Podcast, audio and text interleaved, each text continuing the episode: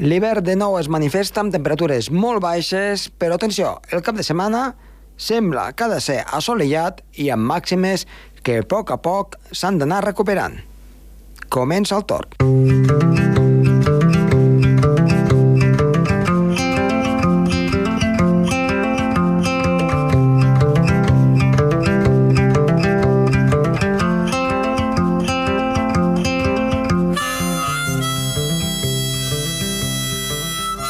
Doncs benvinguts al programa Tor, en el que tindrem, com, se com sempre, a Gerard Tauler, que ens parlarà sobre, en aquest cas, temperatures baixíssimes que s'han donat cap a la zona de la Cerdanya, en aquest cas a Das de Cerdanya.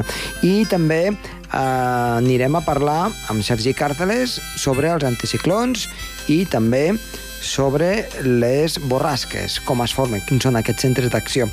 I finalment, en Pere Moliner ens parlarà sobre les ciències que estan doncs, una mica a les xarxes socials i que volen desmentir el que és cert, com que la Terra rodona, que l'home va arribar a la Lluna i que no hi ha cap planeta en el sistema solar que hagi de xocar contra la Terra. Parlem sobre aquests tres temes que mm, volen molt el, a tot el que és al voltant de la ciència s'anomena pseudociència que fan molt mal perquè fan creure coses que són veritablement mentida a les persones de bé, a les persones que en definitiva eh, volen aprendre sempre una mica més sobre ciència, no sobre mentides. Som-hi!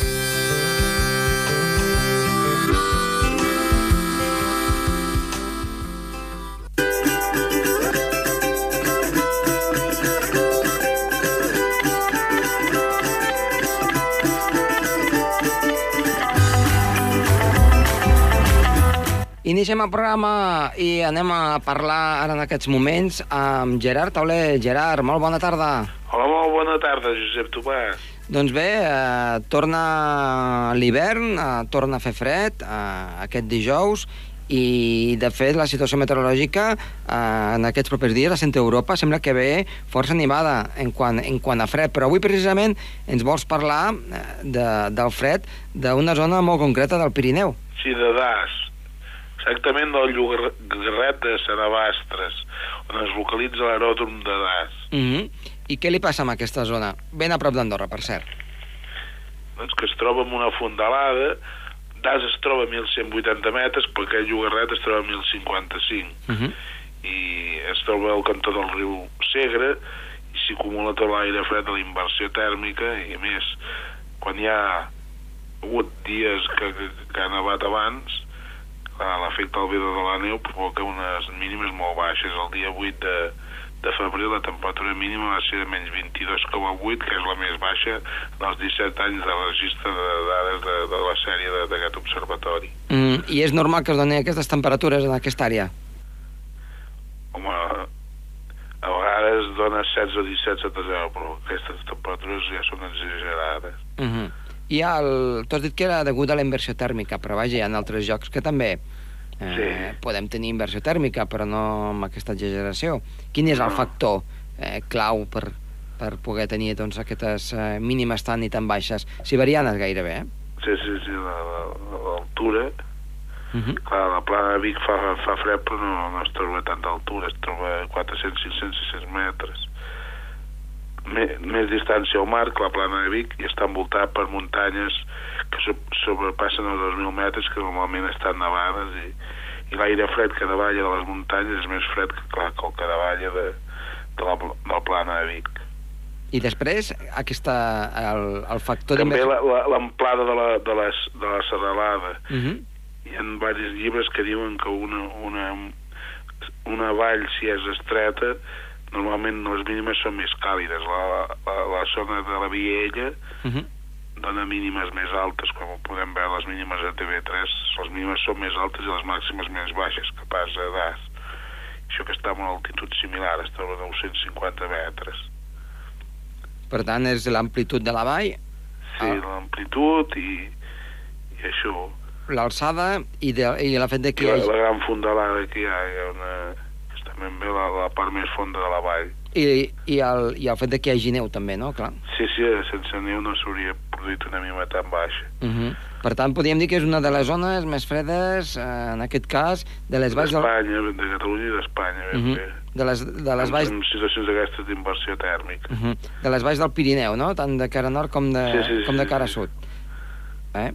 Doncs escolta, moltíssimes gràcies per fer-nos aquest, aquest apunt, un apunt doncs, que està ben a prop d'aquí, d'Andorra, i quan hi hagi Dic- aquestes... Dic el blog Meteocat, el blog de, del Servei Meteorològic de Catalunya, van fer un estudi de d'això de la inversió tèrmica a la, a la plana de la Cerdanya, Uh -huh. que es pot veure al, al blog. Doncs eh, moltíssimes gràcies i t'esperem la setmana vinent. Molt bé, fins la setmana vinent, Josep Tomàs. Adéu-siau. Adéu.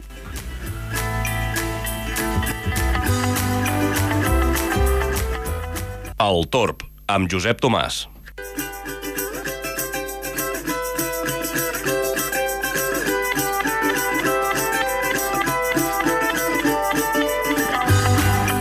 Continuem amb el programa i ens anem a veure què ens explica aquesta setmana en Sergi Càrceles. Sergi, molt bona tarda. Hola, bona tarda. Doncs què, què tens aquesta setmana? Quines notícies o quins temes ens portes de meteorologia? Doncs mira, parlarem una mica d'alguns conceptes bàsics de la meteorologia i és una cosa que sempre que veiem el temps per la televisió, doncs veiem, que són els mapes sinòptics i precisament parlarem dels anticiclons i les depressions, o borrasques, i explicarem una mica què són i què ens indiquen. Molt bé, doncs uh, anem a parlar d'això, que crec que és un tema fonamental. Doncs sí, és un tema fonamental perquè els anticiclons i les depressions marquen molt quin temps ens farà. Nosaltres tenim entès que els anticiclons són altes pressions, d'aquí el nom d'anticicló, no? Uh -huh. Eh, Estem parlant d'una massa d'aire la qual eh, la pressió atmosfèrica, o sigui, el pes que té de l'aire, és superior a un barem que tenim nosaltres, que són els hectopascals. Uh, llavors, la mitjana, o el que diríem que separa els anticiclons de les depressions, és uh, un valor en concret, que és 1013 amb 2. Llavors, tota pressió atmosfèrica que superi el 1013 amb 2 es considera anticicló. I després, tot el que és inferior, o sigui, menys de 1013 amb 2, estem parlant de borrasques. Llavors, eh, per exemple, amb els anticiclons el que volem dir és que hi ha una zona d'altes pressions, normalment els nuclis d'aquests anticiclons eh, ronden entre els 1.030 i 1.040 hectopascals, ja estem parlant d'un anticicló bastant intens, i després les borrasques doncs, poden arribar tranquil·lament als 990, 980 si és una depressió bastant profunda. Llavors, eh, bé, els anticiclons, val, ens hem d'imaginar que l'aire, les, les partícules d'aire, estan en constant moviment. Però per què quan hi ha un anticicló normalment hi ha bon temps? I diem normalment perquè hi ha algunes excepcions que direm després. Uh -huh. Això passa quan l'aire pesa tant que, o fa una pressió tan forta que el que no ajuda és a que es formin núvols. Els núvols es formen quan les partícules d'aigua comencen a pujar, comencen a agafar més altura, llavors es van refredant, es van condensant i es van juntant. Així formen els núvols, tempestes, etc. En canvi, quan hi ha altes pressions, aquestes gotes d'aigua, aquestes partícules d'aigua, no poden pujar cap amunt, es queden a la part inferior. Sí. I llavors doncs, és molt difícil de que es formin núvols i per això tenim una situació de bon temps. Sí que és veritat que quan hi ha anticiclons molt forts i no fa vent, tenim un altre fenomen, que són les boires. I és concretament això, són els núvols o partícules d'aigua que no es poden eh, moure cap a dalt i llavors doncs, es queden en les capes baixes i per això tenim aquestes boires a capes baixes. I després també tenim les depressions o borrasques, que és tot el contrari. El, el, les masses d'aire no pesen molt, o sigui, hi ha um, moviments ascendents d'aire que el que afavoreixen és que es formi molt fàcilment núvols, precipitació, eh, tempestes, etc. Llavors, quan més profunda és aquesta borrasca o aquesta depressió, doncs més intenses són les pluges i bé, en casos molt extrems no és quan tenim els huracans. Sí. Llavors, um, una altra cosa que hem de dir és que, com hem dit, hi ha algunes excepcions. Per què? Perquè, per exemple, uh, aquí prop, no?, en el mar Mediterrani, uh, passa justament una mica al contrari.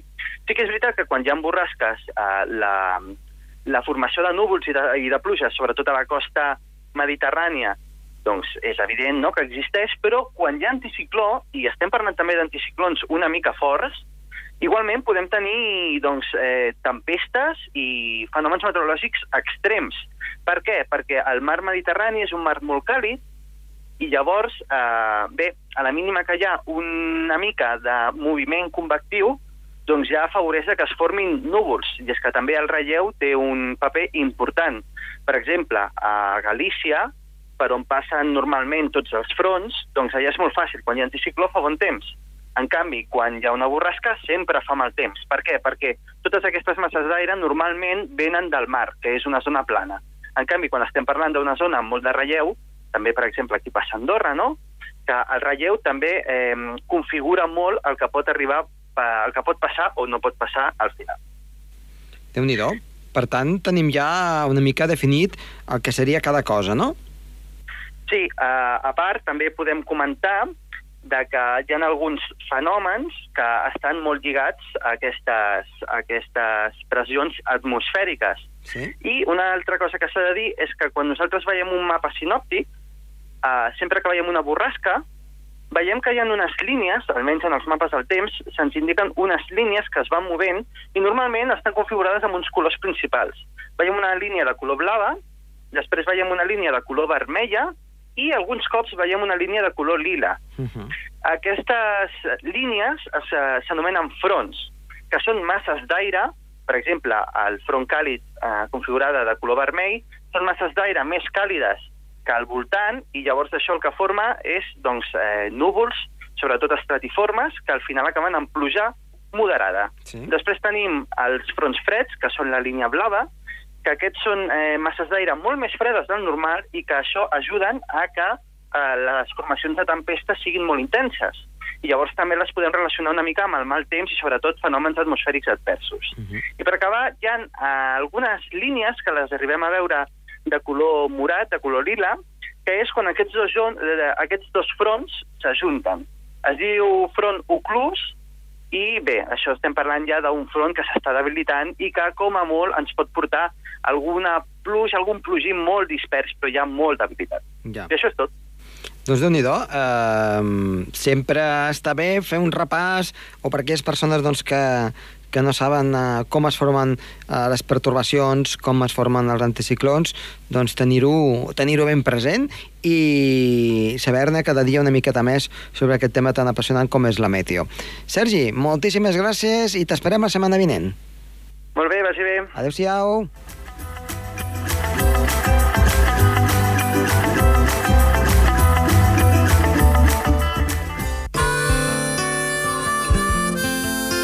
El Torb, amb Josep Tomàs.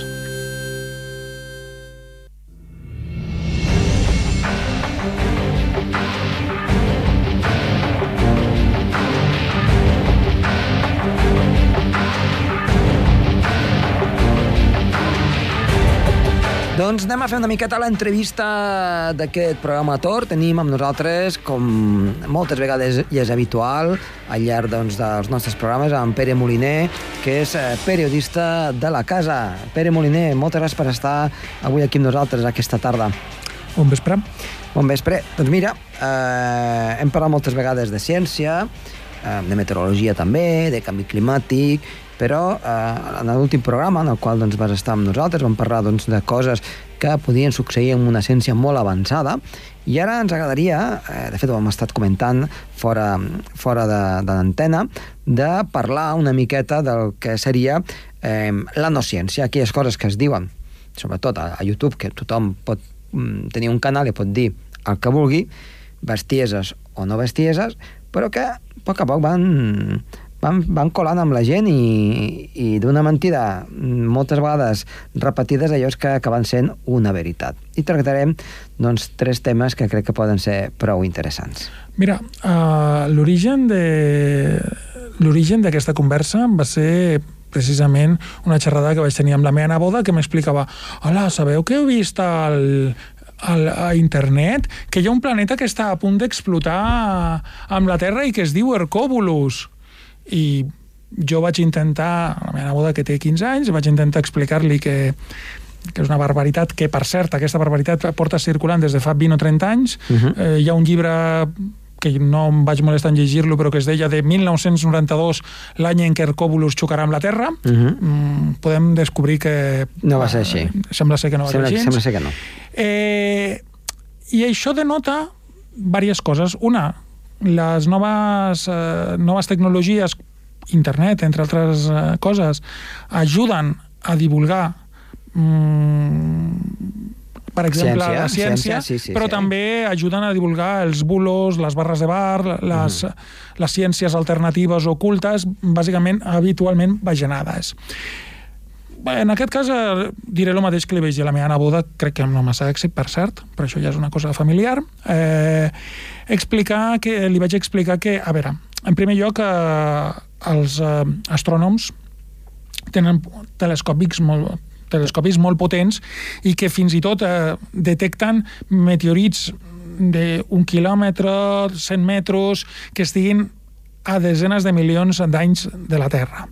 Molt bé. Per tant, detectar un planeta com, que seria com Júpiter, que és el que diuen els fanàtics d'aquesta teoria, que per Exacte. cert sembla ser que se la creuen de veritat, eh, doncs això seria relativament fàcil. De fet, fins i tot es podria veure a simple ull en una nit veuries una cosa i dir, ui, que raro, és Hercòbulus. Per què? Perquè es- seria visible. Però hi hauria una altra cosa que faria que això fos oh, més... Eh, que fa que això sigui encara més inversemblant. Simplement que si un planetoide entrés al sistema solar o es sortís immediatament ens hauríem adonat perquè la, grave, la, la gravetat la gravetat dels altres planetes, incloent la de la Terra i tal, doncs això ja sem- eh, hauria tingut canvis espectaculars i horribles. Per tant, juntant aquestes dues coses, és evident que és una barbaritat. Sí, és evident que és una barbaritat per mi, però hi ha molta gent que té poca formació científica, eh, més crèdula o més jove i que es pot creure aquestes coses. Bé, és una vera. Um, nosaltres podríem dir um, que hi ha religions, no? que les podem creure o no les podem creure, busquem un més enllà, un perquè de la nostra existència. Eh, fins i tot eh, podem creure molt amb la ciència com, com una religió i podem dir doncs, fins on arriba l'univers, què hi ha després de l'univers i, i per què no? Doncs eh, amb el que es diu a les xarxes socials, o en aquest cas YouTube, o qualsevol altra plataforma, i s'explica, doncs, en aquest cas, l'existència d'un planeta o qualsevol altra cosa, i, i tu dones uns arguments, perquè donar arguments convincents és més fàcil del que ens semblem, i que la gent s'ho pugui creure, eh, és fàcil convèncer-los d'això. I això penso que és un perill um, per la ciència, per la bona ciència, i, i deixa'm-ho dir, eh? per, per, per les bones religions o creències, eh, amb el sentit de dir, tu pots creure en el que vulguis, mentre eh, no crees un caos, no? mentre no crees un daltabaix. Eh, deixa'm dir dues coses. Una, en el cas d'aquest Hercòbulus, no es tracta de, per exemple, creure eh, eh, si hi ha un ésser sobrenatural o no. Vull dir, es- estem parlant de coses que en teoria són comprovables. I, per tant, de fet, la comprovació millor és el títol del llibre original del fenomen Hercòbulus, uh -huh. 1992 o 93, el que fos. Bueno, Perfecte, per tant... aquest és un argument el més fàcil d'entendre. Però hi ha un altre que, és, que ens indica molt ens indica molt de, de com funcionem les persones i no agafarem, i funciona amb tot amb tot, però l'exemple és, és bàsic i ara deixa'm que parli sobre un altre segon mite que té a veure amb aquestes uh -huh. coses teòricament científiques Sí. que és el mite de que l'home mai va arribar a la Lluna i que tot va Exacte. ser eh, una, una orquestrat eh, per Stanley Kubrick. Que... Llavors, mm, deixa'm dir bueno, dos, coses, eh, dos coses sobre aquest, eh, aquest fenomen a Sí, les jo xarxes. també vull afegir una cosa Sí, després. sí. Eh, Una és, el primer és que en aquella època hi havia una cosa anomenada Guerra, Guerra Freda i si hi hagués hagut una estafa tan espectacular per part del govern americà, curiós que la immensa majoria de la gent donem per suposat que el govern americà i altres governs són capaços de fer-ho. Això no ho posem en dubte. Això ja vol dir que, com a mínim, hem, hem avançat en alguna cosa. Però vaja, eh, que fos capaç de fer-ho, que la majoria de la gent que pensem que fos capaç de fer-ho, però que, que colés ja és una altra història. Per què? Pues perquè en aquesta Guerra Freda hi havia un rival anomenat Unió Soviètica que no s'hauria deixat colar un gol d'aquesta immensa magnitud. Uh -huh. Aquest és l'argument més pràctic. Exacte. Més pràctic. És a dir, dient, mira, anem a creure'ns que eh, hi ha 10.000 o 20.000 persones que s'han estafat. Tu creus que la Unió Soviètica, amb els recursos que tenia, no il·limitats, però gairebé, a l'època, i que haguessin arribat primer els nord-americans a la Lluna que no pas eh, ells i si haguessin, tingut algun indici de que, de que això era mentida, no, no ho haguessin demostrat? Efectivament. Mm, de, de totes, totes, no? I a part, eh, però això indica un altre fenomen més curiós. Fa temps vaig llegir un, uh, un articulista, era un científic anglès que em va explicar una cosa que mm, explica molt sobre les persones. Aquest científic astrònom deia que anava en un tren a Anglaterra i sentia un grup de, de, de joves d'uns 20 anys parlant sobre futbol i sobre el seu equip, crec que era l'Everton, que estava molt bé i tal. Eren els, eren els joves que estaven al seu costat. I de sobte van començar a parlar precisament d'això, de, de que l'home no havia arribat a la Lluna i ell, hem, hem, i donaven per bo. Hem, hem va voler-los demostrar perquè estaven tan profundament equivocats. Diu que la cosa es va posar tan tensa que va haver de baixar una estació abans de la que pensava per, per la tensió que hi havia. Per no rebre, no? Llavors, eh, això què demostra? Això demostra que les nostres creences, això ho explica l'autor, i el nostre sentit comú, si ens parem a, a reflexionar, ens adonem de que efectivament no fa falta que digui aquest científic, sinó que és veritat, una trista realitat nostra, és de que Mm, moltes vegades defensem les nostres creences, bueno, moltes vegades no, quasi sempre defensem les nostres creences sobre el món, sobre nació, religió, eh, sobre si l'home va arribar a la lluna i tal, perquè formen part de la nostra identitat, llavors al formar part de la nostra identitat les defensem d'una manera eh, com, com, si, com si fos una pertinença pròpia, llavors en, ens tanquem en banda a refutacions. És per això perquè els debats polítics acostumen a ser um, tan, eh, tan inútils perquè difícilment els de dretes convenceran els d'esquerres perquè eh, en, potser en algun matís però I no, no els faran canviar i no s'avança i, i, i és difícil que s'avanci Exacte. En canvi aquest científic deia que havia una manera per avançar deia dient, l'exemple, i jo crec que es pot extrapolar deia dient que ell el primer que hauria d'haver fet en lloc d'haver ficat aquesta actitud de superioritat i criticar-los uh mhm. -huh. és haver-los dit la veritat i dir, home, m'agradaria ser com vosaltres i i tenia aquesta passió pel futbol, que és cert, pel, pel futbol o per altres coses, us envejo i tal. I a partir d'aquí ja hi havia un tema de confiança mútua, hi ha una, ja hi havia ell havia pres alguna cosa d'ells, hòstia, la passió pel futbol, per l'Everton, i tal. Llavors dir, ah, per cert, això em sembla que... De l'Oda de Lluna em sembla que no va ser així, per, pel mateix motiu que et deia jo abans. I probablement l'haurien escoltat i els haurien fet cas més. Per què? Perquè llavors ja no hauria estat una lluita, hauria estat, eh, hauria estat simplement una xerrada entre dues persones que es tenien confiança i que prenien mútuament l'una de l'altra. Uh mhm. -huh. És a dir, el respecte a les conviccions de l'altre eh, el respecte a les conviccions de l'altre i l'aprendre alguna cosa més, encara que sigui saber quatre coses de l'Everton, eh, podia haver servit per fer, haver fet una mica més de divulgació científica. Ell hauria après i els altres potser haurien après. Haurien baixat del burro o... O, o, o com a mínim haurien estat més receptius. Més receptius. Eh, un, un, un apunt ràpid és que els astronautes van deixar una sèrie de reflectors, de miralls, de que si tu amb un làser prou potent envies un feix de llum, a, a la Lluna, allí on van eh, doncs, aterrar, eh, veus com arriba aquest feix de llum i, i et rebota, i això és un, una manera indiscutible de demostrar que, que es va arribar. I l'última cosa que ens volies eh, parlar, ja molt ràpidament, era sobre la Terra plana. Sí, la Terra plana fa poc va sortir una... Eh, era una, em sembla que era un aviador nord-americà que intentava de, fer un, un vol demostrant que la Terra era plana.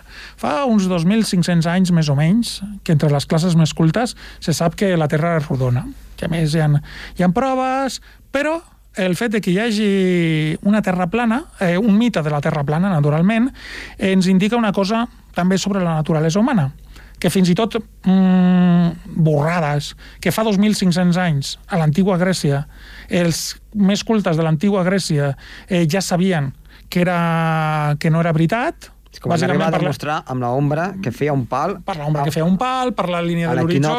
Sí, sí, sí. a- en el solstici. Vull, dir- vull dir, no, no, no, estem parlant de coses pràctiques, eh, fàcils d'entendre, no com altres arguments És la científics. ignorància que ens porta, Llavors, això demostra dues coses. Una, que 2.500 anys després, fins i tot als països més avançats del món, com els Estats Units, encara hi ha gent que demostra ja no coses com el creacionisme, no, no, no, que va, que va, que va, com que la Terra és plana. Encara hi ha gent, encara té el públic. Encara, és a dir, la lluita entre la ignorància i un major coneixement i una major llibertat, eh, jo crec que es va avançant, eh, per ara, però lentament, progressivament i molt a poc a poc. I encara hi ha fanàtics de la Terra plana, eh, entre ells, per exemple, eh, jugadors de bàsquet famosos mm. americans, o havia Sí. un jugador de bàsquet que deia que això era, i que dedicava una part dels seus diners a, a difondre aquesta teoria. Bé, potser no li arriba prou la sang al cervell, és possible. Eh, Pere, eh, ho haurem de deixar aquí, no sé si volies fer algun últim apunt. No. Doncs eh, moltíssimes gràcies per estar avui aquí amb nosaltres i, i bé, doncs quan vulguis ja saps que aquí és també el teu programa. Gràcies i fins la propera. Fins la propera.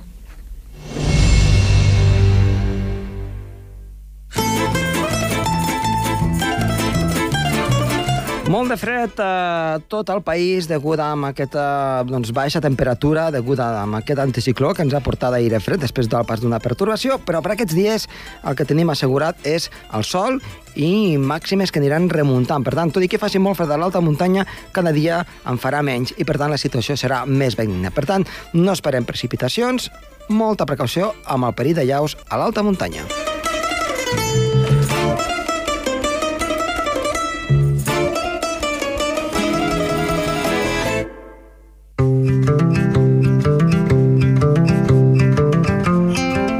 El programa. Ha estat les vies de so, Toni Escur, i que els ha parlat amb molt de gust, Josep Tomàs. Tornem la setmana vinent. Adéu-siau.